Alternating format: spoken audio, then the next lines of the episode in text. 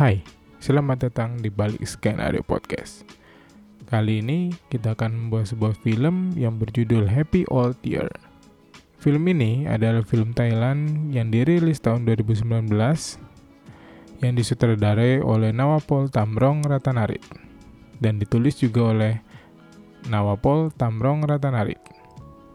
Premisnya adalah Jane, seorang perempuan muda yang baru kembali dari Swedia. Dia kembali ke Thailand untuk hidup di Thailand dan tinggal di rumahnya.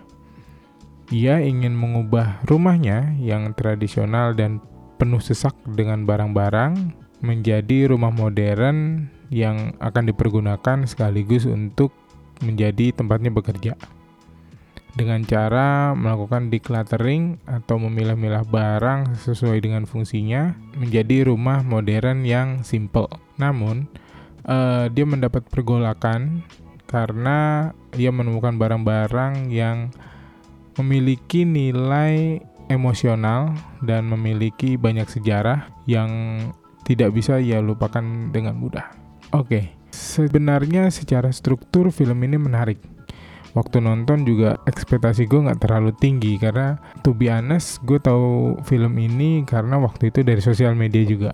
Jadi banyak yang rekomendasiin katanya filmnya bagus. Dan ya ternyata memang filmnya bagus simple tapi pertama relatable dan memang di deliver dengan uh, menarik gitu.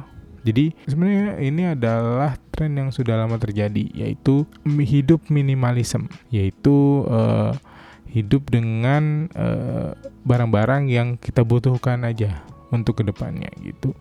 Jadi uh, kalau teman-teman pernah nonton film minim minimalism terus uh, tahu tentang film uh, film atau series dari uh, Marie Kondo tentang decluttering dan lain-lain gitu. Nah, uh, film ini uh, mungkin lumayan relatable dan teman-teman juga bisa belajar banyak dari film ini sebelum teman-teman membuang semua barang-barang teman-teman setelah nonton Marie Kondo atau minimalism. Jadi uh, ya gitu. Uh, jadi ya memang uh, film ini cukup menarik. Nah kalau dari segi cerita film ini tuh menurut gue asik banget. Jadi memang kayak mungkin buat beberapa orang kayak hmm membuang barang-barang itu terlihat sangat mudah gitu. Oh ya udah. Terus kayak kalau kayak teman-teman yang udah nonton Marie Kondo kayak semua yang give uh, semua barang-barang yang teman-teman temuin terus spark joy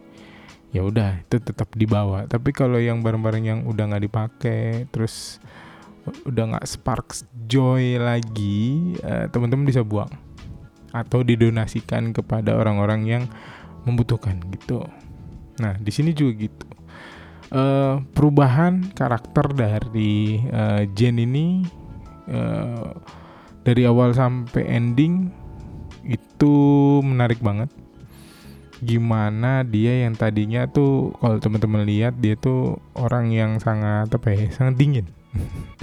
Tidak emosional sama sekali. Kayak dia tuh uh, sama barang-barangnya dia sendiri dia nggak peduli gitu. Udah main buang-buang aja gitu. Sampai akhirnya nanti kita bahas. Nah, uh, sebelum lebih jauh, uh, gue warning dulu kalau ini adalah spoiler konten. So, uh, kita masuk lebih dalam. Kayak tadi gue bilang, uh, film ini mungkin based on kayak uh, tren yang sedang naik yaitu uh, minimalism tentang decluttering. Uh, berawal dari uh, Marie Kondo menurut gue mensimplify hidup atau mensimplify barang-barang yang dimiliki orang oleh orang-orang sehingga isi rumahnya jadi lebih apa ya lebih tertata lebih rapi terus lebih lega gitu akhirnya. Jadi bisa lebih bahagia gitu. Nah eh, kalau dari sisi cerita film ini dari awal tuh udah yang kita dikasih lihat kayak tadi gue bilang kita dikasih lihat Jen tuh orang yang gampang banget ngebuang barang. Kayak dia main buang-buang aja gitu sampai akhirnya di exciting incidents-nya adalah uh, temennya si Pink namanya uh, cewek dengan kepala botak wah Pink ini nemuin barang yang udah dibuang sama si uh, Jen. Terus waktu diambil barangnya ternyata ini adalah CD lagu yang pernah dikasih Pink buat ulang tahunnya Jen. Tapi Jen dengan uh, tanpa perasaan membuang barangnya Pink ke dalam tong sampah. Terus mereka sempat ribut gara-gara itu.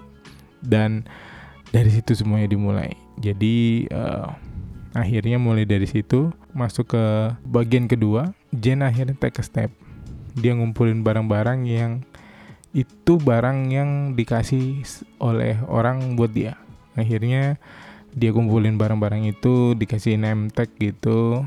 Terus dia take a step untuk mengembalikan barang-barang yang uh, dimiliki oleh orang yang seharusnya. Maksudnya itu kayak Jen ini waktu ulang tahun atau waktu apa waktu apa dikasih barang sama orang. Nah sekarang barangnya dikumpulin terus dibalikin ke orang itu. Nah di sini Jen masih mulai uh, udah mulai memikirkan perasaan orang lain nih tapi masih sedikit banget masih spark spark gitu dikit dikit belum separah itu belum belum pakai hati. Dia tuh masih yang semudah itu membuang barang gitu. Pokoknya ada satu apa ya uh, kalau di bagian awal tuh dia punya kuat plastik sampah itu kayak black hole. Semua yang lo masukin ke dalam plastik sampah itu hilang. So, dengan mudah dia memasukkan barang ke dalam plastik, which mean dia mau semudah itu membuang barang-barang yang uh, ada di tempatnya dia. Dia nggak peduli itu dikasih siapa, untuk apa. Dia nggak peduli. Main buang-buang aja gitu. Sampai akhirnya yang tadi dia ribut sama temennya si Pink, terus ada yang sedikit menyakitkan buat dia sih waktu jadi dia ngelakuin ini nggak sendirian dia ngelakuin ini sama adiknya adiknya atau kakaknya kayaknya si adiknya waktu ngebuang-buangin barang dia nemuin jaket rajutan yang dikasih atau dibuatin sama si Jen untuk adiknya. Tapi dibuang karena nggak dipakai dan nggak spark joy kata adiknya. Dan itu lumayan uh, berbekas tuh buat si Jen kayak dia juga sih kayak gue kayak gampang banget buang barang gitu. Nah di sini dia mulai pakai hatinya. Tapi masih sedikit gitu. Terus uh, akhirnya dia mulai balik-balikin barang. Oh ya sebelum itu kita balik sedikit. Dari awal uh, membuang barang itu nggak semudah itu ya teman-teman. Kayak dari awal tuh uh, dia udah mulai ada banyak pertentangan waktu dia memutusin untuk membuang barang-barangnya. Untuk membersihkan rumahnya dengan membuang-buang barang-barangnya. Barang barang-barang yang ada di rumah itu maksud gua jadi kayak mungkin ada barang-barang adiknya ada barang-barangnya dia ada barang-barang ibunya ada barang-barang uh, ayahnya yang udah bercerai sama ibunya yang meninggalkan dia dengan uh, ibu dan adiknya gitu. Itu dia mulai mendapat pertentang uh, per, itu dia mulai dapat pertentangan dari ibunya ya. Mereka berantem terus bersih tegang gitu. Terus ya gitu sih. Maksud gue selama rumah itu bukan rumah lo itu akan sulit dilakukan sih. Uh, soalnya sempat ibunya bilang gue nggak mau nih uh, lu ngebuang ini. Gue nggak mau uh, spot gua spot tempat ibunya duduk uh, dan karaokean itu dipindah atau diganggu gugat. Itu itu itu itu mereka sempat sempat ribut ribut gitu. Dan memang memang kalau misalnya teman-teman kalau misalnya digali memang nggak semudah itu. Selama itu rumah punya orang tua lo ya lo nggak bisa semudah itu menurut gua. Uh, di cluttering ini bukan cuman ini sih bukan cuman membuang barang tapi juga kayak membersihkan diri lo hati lo dari masa lalu gitu. Dari barang-barang masa lalu atau keterikatan lu sama masa lalu. Cie gokil nggak tuh? Setelah itu Eh, kita balik lagi. Setelah uh, Jen mulai uh, balik-balikin barangnya sampailah dia nemuin sesuatu yaitu barang milik mantannya namanya Aim dalam bentuk kamera. Kamera sama uh, film film foto. Habis itu uh, dia mau balikin. Walaupun jaraknya dekat karena nggak mau nemuin si Aim mungkin uh, mungkin putusnya nggak baik-baik. Ya mungkin aja sih kayak lu putus dengan tidak baik-baik dengan cara pergi gitu. Uh, meninggalkan orang yang jadi pacar lo waktu itu dengan cara pergi ghosting gitu wah itu nyebelin sih. Akhirnya karena mungkin mungkin si uh, Jen merasa bersalah akhirnya dia cuman ngembaliin kotak kamera itu uh, sama film-filmnya uh, lewat uh, kayak pengiriman gitu pengiriman paket ya kalau di sini kayak uh, ngirim lo JNE, Tiki, si cepat dan lain-lain uh, ke uh, si Aim. Walaupun jaraknya deket banget sampai waktu ditanyain sama pengirimannya kayak lu yakin? Iya yakin. Kirim aja. Lu yakin? Kirim aja. Itu lucu sih kayak ya gimana mau nemuin juga males kan ya dari dari uh, karakternya dia memang ya udah dia nggak mau nemuin orangnya nggak pedulian memang nggak pedulian cuman ada beberapa hal mungkin yang membuat dia kayak ya daripada nanti bikin gua sakit ya bikin sakit. Kirain nggak punya emosi. Nah akhirnya dikirim tapi habis itu barangnya dibalikin. Nah barangnya dia dibalikin. Uh, kameranya dan film-filmnya dibalikin. Jadi satu kotak satu box gitu. Dikirim balik ke dia katanya ditolak sama penerimanya. Nah di sini dia mulai take step lagi nih. Dia mulai take step akhirnya dia uh, balikin barangnya. Balikin barangnya dengan cara nyamperin rumahnya si Aim dan di sana dia ketemu Aim. Dan ya bisa dibayangkan dong kayak misalnya kalau misalnya teman-teman uh, ngebayangin gitu. Teman-teman ngebayangin gimana rasanya kalau teman-teman tuh lagi uh, apa ya uh, mau nemuin mantan gitu. Yang putusnya nggak baik-baik terus nemuin buat balikin barangnya. Ya gue nggak tahu gue nggak tahu sih karena semua barang-barang yang ada di yang mantan gue kasih ke gua nggak gue balikin. Ngapain juga buat apaan? Pakai aja. Mungkin kalau masih terikat sama masa lalu ya itu derita lo cheer oke lanjut. Uh, terus uh, begitu uh, di sana ketemu Aim terus dibalikin dia minta maaf terus berharap untuk pergi. Dan nggak pernah ketemu Aim lagi. Tapi justru waktu dia mau pergi ternyata Aim manggil akhirnya mereka ngobrol. Ngobrol-ngobrol-ngobrol-ngobrol kayaknya si Aim mulai galau. Waduh. Dan di situ udah ada kekasihnya si Aim sih sebenarnya. Setelah itu mereka uh, misah lagi Aim sama si Min. Uh, mereka berdua sendiri di rumahnya. Terus dia mulai balikin lagi barang-barangnya. Ya ada yang menerima dengan senang hati ada yang tidak. Ya wajar lah dan yang menarik lainnya uh, film ini dibagi menjadi enam bagian. Ini mulai kayak Justice League ya. ini mulai kayak Justice League dibagi jadi perbagian-bagian gitu. Nah, uh, dibagi perbagian ini dibagi berdasarkan how to cluttering. Bagian pertama, uh, bagian pertama yaitu menetapkan tujuan dan mencari inspirasi. Nah, gimana dia menentukan tujuan dan menginspirasi dia untuk cepat-cepat membuang seluruh barang-barangnya dia. Jadi uh, dia kayaknya dapat uh, mau bikin office, dia mau bikin kantor di rumahnya, tapi dia harus secepatnya mencari dana.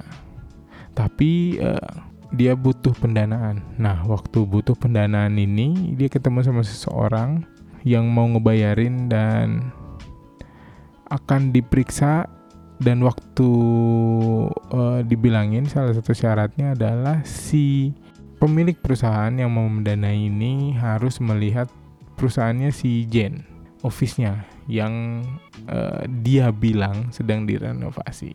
Terus waktu yang mau ngebayarin ini si investor ini uh, bilang ke Jen untuk kalau bisa sebulan ya nanti akan diperiksa sama uh, auditor.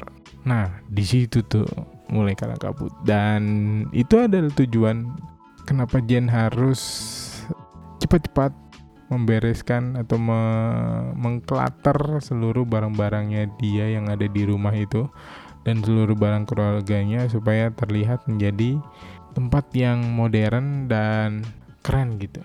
Yang simple yang dipikirkan oleh Jen. Di bagian keduanya yaitu jangan mengingat masa lalu. Nah, waktu di sini dia uh, mulai yang tadi gue bilang dia mulai memilah-milah gitu dia mulai memilah-milah barang-barangnya dan di sini dia masih kayak heartless gitu. Dia masih nggak punya hati. Dia kayak ya udah semudah itu. Yang tadi gue bilang dari awal dia tuh semudah itu untuk membuang barang. Sampai ada quote yang tadi plastik sampah tuh sama kayak black hole di sini jadi di bagian kedua ini gitu. Terus ya udah dibuang-buangin dengan gampangnya uh, mungkin kita juga waktu awal-awal kalau misalnya barangnya belum yang segitu berartinya mungkin dengan mudah kita bisa buang aja gitu. Karena ya kita nggak pakai. Tapi buat orang lain mungkin dipakai. Makanya habis itu masuklah ke bagian ketiga yaitu jangan terbawa perasaan. Nah di sini dia mulai ribut sama Pink karena CD terus dia balikin semua barang-barang yang uh, pernah pernah dikasih ke dia. Dibalikin semua ya kayak tadi sampai akhirnya dia ketemu mantannya si Aim di sini juga. Ya mulai dari sini dia mulai masuk ke bagian ketiga. Waktu di bagian ketiga dia mulai uh, mengembalikan ke mantannya. Terus ya ada beberapa barang yang akhirnya dengan berat hati dia harus menimbang untuk dibuang atau dijual atau didonasikan. Termasuk barang mantannya waktu dikembalin akhirnya malah galau dua-duanya galau bareng-bareng. Di bagian 4 nah di sini di bagian uh, Jin sama Aim sama Min uh, atau pacarnya si Aim mulai uh, sering ketemu. Karena setelah dibalikin uh, kameranya mereka jadi sering ketemu diajakin ngobrol gitu-gitu. Diajakin ke tempat makan uh, favoritnya mereka. Akhirnya Aim terlihat juga jealous. Ya kalau itulah bahayanya mantan ya. Sebenarnya kalau sama mantan tuh nggak tahu sih. Ini ini ini stance gue ya. Lu tuh sama kayak baca buku dua kali atau lu baca skenario dua kali atau lu nonton film dua kali endingnya pasti sama gitu. Ya gue nggak tahu uh, lu mau uh, percaya atau enggak lu mau uh, setuju atau enggak ya itu stand gue tapi kalau lu punya stand lain ya ya siapa tahu bisa balik lagi. Ya nggak ada masalah juga kalau tiba-tiba bisa membuktikan kalau misalnya dia bisa lebih baik. Oke okay, back to the movie. Uh, setelah itu dia mulai galau juga sama uh, cerita keluarganya dia. Yaitu dia itu pernah ditinggal oleh uh, ayahnya. Jadi ayahnya kayaknya sih ayahnya cerai. Ayahnya pergi gitu ninggalin dia mamanya dan uh, adiknya. Mamanya uh, segitu kerasnya nggak mau membuang uh, beberapa barang termasuk spotnya dia. Dia karena dia udah bertahun-tahun ada di sana dia ada berta dia udah bertahun-tahun di spotnya dia yaitu sebuah ruangan ruangan buku kalau nggak salah. Ruangan buku atau ruangan duduk. Ini eh, ruangan duduk. Uh, dia berada di ruangan duduk yang isinya ada TV sama dia suka karaokean di situ. Nah ada satu barang yang paling berat untuk dibuang eh, yaitu piano milik uh, mantan ayahnya si Jen atau mantan suaminya si ibunya Jen uh, karena ya gimana ya kalau misalnya punya orang tua buat si anak mungkin nggak berharga tapi buat ibunya mungkin uh, masih ada perasaan yang uh, nyangkut gitu ya kita nggak tahu juga sih. But Jen nggak bisa semudah itu untuk ngebuang si piano ini walaupun ya piano ini punya rasa sakit untuk Jen sama adiknya tapi ya mungkin piano ini adalah pengingat atau sisa terakhir dari ayahnya gitu. Nah, ya kayak kira-kira kayak gitu. Di satu sisi yang lain, di bagian ini, ya kayak tadi gue bilang, Jen udah mulai sering ketemu sama Aim. Dan Min mulai sangat terganggu dan mulai jealous. Tapi ya nggak dikeluarin aja gitu. kayak Min tuh tipe yang gue bisa melakukan apa gitu apa yang bisa kulakukan tapi nggak bisa ngapa-ngapain. Gitu. Jadi dia diem aja. Stay cool. Terus uh, masuk ke bagian selanjutnya adalah jangan tambah barang lagi. Jadi uh, kenapa jangan tambah barang lagi? Waktu Jen uh, balikin barang-barang ke Aim barang-barangnya Aim ke Aim Aim justru ngumpulin barang-barangnya Jen ke uh, Jen. Dibalikin lagi itu barang-barang yang pernah ada di Aim. Semuanya dipulangin oh iya gue lupa. Di bagian yang sebelumnya itu juga ada kasus waktu uh, ada temennya namanya Korn seinget gue uh, itu dia minta foto mereka waktu mereka masih sekolah. Itu si Aim sama Jen masih pacaran lah. Waktu dimintain foto itu dicari-cari cari-cari nggak ketemu sampai di bagian selanjutnya masih belum ketemu. Sampai akhirnya ternyata si Aim ini pinter nyimpen barang. Jadi semua foto di scan sama dia dimasukin ke dalam hard disk. Terus mulai dicari. Jadi waktu ngebukanya tuh waktu nge waktu mereka ngebuka foto-foto itu kayak sampai si Aimnya tuh sampai bilang e, kayak kapsul waktu ya. Cie. Jadi yang dicari adalah foto temennya yang waktu SMA mereka sekolah itu temennya ini suka berantem. Suka berantem gitu berdua akhirnya mereka menikah. Nah mereka mau minta dicariin foto yang dulu pernah difoto sama Jen uh, untuk di acara pernikahannya mereka. Akhirnya Jen nyariin nyariin nyariin nyariin. Akhirnya ya ketemulah sama si Aim. Ketemunya di harddisknya si Aim. Terus dikasih sama mereka itu. Nah di sini mulai tuh pergolakan-pergolakan mulai muncul terus sampai akhirnya mereka berhasil. Ya udah uh, semua barang sudah dikembalikan tinggal satu barang doang nih yang jadi masalah yaitu di pianonya bapaknya. Piano milik bapaknya yang ditaruh di milik mantan bapaknya Jen yang uh, membawa luka buat uh, keluarga mereka, terutama buat Jen dan uh, adiknya. Sampai suatu ketika Jen nelpon sama bapaknya buat nanya apakah si piano ini mau diambil atau enggak. Kalau enggak ya mau dijual, maksudnya gitu. Itu Jen sampai nangis uh, ngejer se ngejer-ngejernya gitu. Dia nangis kenceng banget nangis uh, yang sedih banget karena ya usut punya usut setelah itu dikasih tahu kalau ternyata bapaknya bahkan lupa sama Jen begitu dibilangin ya dia nggak mau nggak mau lagi sama pianonya gitu. Terus mulailah si Jen ngomong itu ke maminya ke mamanya. Ya berantem lagi dengan kondisi yang serupa yaitu Jen nggak boleh ngebuang si piano itu karena ibunya katanya memakai padahal ibunya nggak bisa main piano. Yang akhirnya justru terjawab kalau ternyata yang bisa main malah si Jen. Tapi karena piano tersebut membawa luka buat Jen jadi setiap kali Jen yang pakai atau Jen yang lihat piano itu justru dia merasa sakit hati sama bapaknya gitu. Tapi dia harus melepaskan itu dengan cara ya si pianonya harus dibuang. Terus ya udah dia ngakalin sama adiknya gimana caranya untuk ngebuang. Dan akhirnya bukan dibuang tapi dijual dengan harga yang sangat tinggi gue yakin terus ya udah dibuang tapi ibunya sedih banget. Dia sampai ibunya sampai ketok-ketok malam-malam. Dan marah banget sama si Jen. Tapi Jen cuman pasang headphone di telinga. Gue nggak ngerti itu audio teknika berapa cuman bisa noise isolation. Bukan cuman bukan cuman noise tapi sound isolation tahu gue audio teknika berapa gue nggak tahu. Eh headphone audio teknika. Terus begitu dinyalain ya suaranya hilang. Suara noise noise dari luar atau suara dari luar tuh hilang. Masuk di bagian terakhir jangan lihat masa lalu.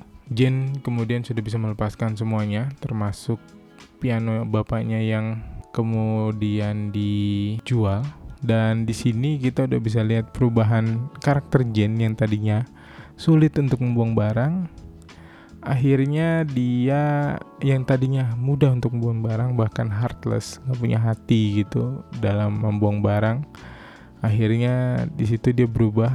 Yang tadinya dia suka banget sama Marie Kondo yang dengan spark joy-nya akhirnya dia mulai menentang si Marie Kondo dengan spark joy-nya. Dia mulai bilang kayak ya udah biar uh, rumah di sini nggak kayak rumah di Jepang kecil-kecil gitu Nah, di sini space-nya banyak, jadi kalau mau naruh barang banyak nggak apa-apa gitu.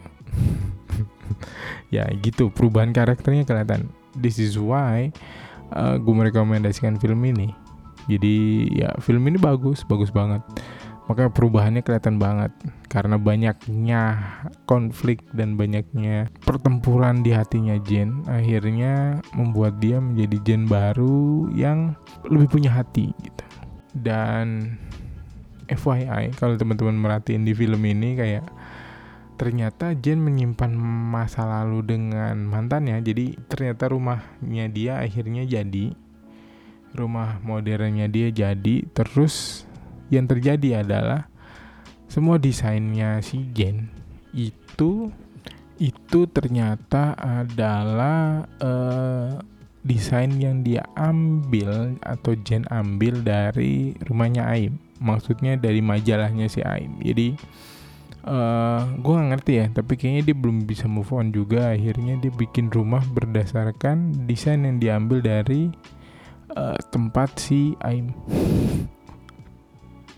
jadi terlihat kalau misalnya si Jen ternyata ya masih punya hati gitu. Dia nggak bisa move on dari si Aim. Dan kenapa akhirnya Jen sama Aim gak jadi ya? Ternyata uh, si Aim itu sama Min pun gak jadi. Jadi mungkin karena si uh, Aim terlalu galau sama si Jen.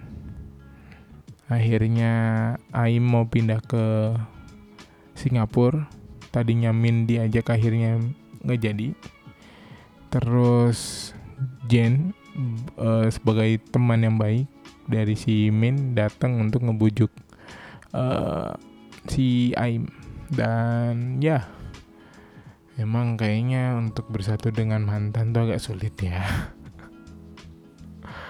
jadi abis itu si Jen sama Aim uh, cekcok. Karena uh, ya gitu Aim gak suka kalau misalnya si Jen tiba-tiba datang ke kehidupannya lagi terus kayak minta maaf terus berusaha untuk lepas dari uh, rasa menderita yang dirasami sama Aim gitu. Karena dia main pergi-pergi aja dengan mudahnya dan kayak meletakkan beban di pundaknya Aim uh, dari kesalahan yang dibuat sama si Jen gitu.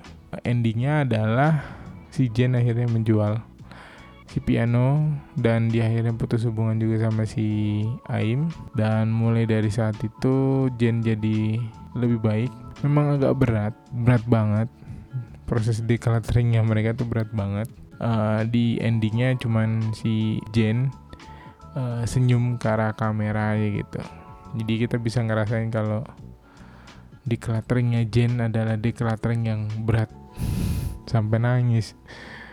Karena banyak banget barang yang ternyata tidak bisa semudah itu untuk dibuang gitu. Nah, uh, mungkin banyak ya teman-teman yang kayak uh, ngerasain kalau uh, di proses decluttering teman-teman tuh kalau barang-barangnya sendiri ya, kalau barang-barangnya sendiri mungkin agak berat gitu. Kayak ini barang dari kita beli gitu-gitu itu masih lebih gampang. Tapi kalau barang-barang yang dikasih orang dikasih uh, mungkin orangnya masih ada mungkin orangnya udah nggak ada terus atau orang itu adalah sahabat yang paling baik atau uh, mantan yang paling yahut. Ya itu akan menambahkan beban kalian untuk decluttering sih makanya kalau misalnya dibilangin sebenarnya decluttering itu bukan cuman ngeberesin eh, barang-barang membuang barang-barang dan memasukkan barang-barang yang lu perlu, perluin aja. Tapi juga bisa kayak ngebenerin hati lu terus membersihkan hati lu dari semua yang uh, bikin sakit. Sama kayak uh, waktu Jen sama mantannya ini sama si Aim. Si Aimnya sempat bilang uh, gue nggak mau lu minta maaf terus lu pergi gitu aja. Kayak ngasihin uh, beban ini semua ke gue sedangkan lu bisa pergi seenaknya. Lu nggak perlu minta maaf. Gue nggak gue nggak mau nggak maafin lu. Gue nggak mau lu bisa hidup seenak itu. Gitu gitu berat ya jadi ya ini buat teman-teman yang mungkin suka banget sama declutter yang suka banget sama Marie Kondo atau minimalism. Uh, menurut gue ini film yang menarik bisa ditonton juga. Mungkin barang-barang yang ada di teman-teman sekarang mungkin memang nggak berarti untuk teman-teman ya lebih baik di kalau masih layak pakai atau masih layak guna yang teman-teman bisa hibahkan atau bahkan bisa didonasi ke mana gitu.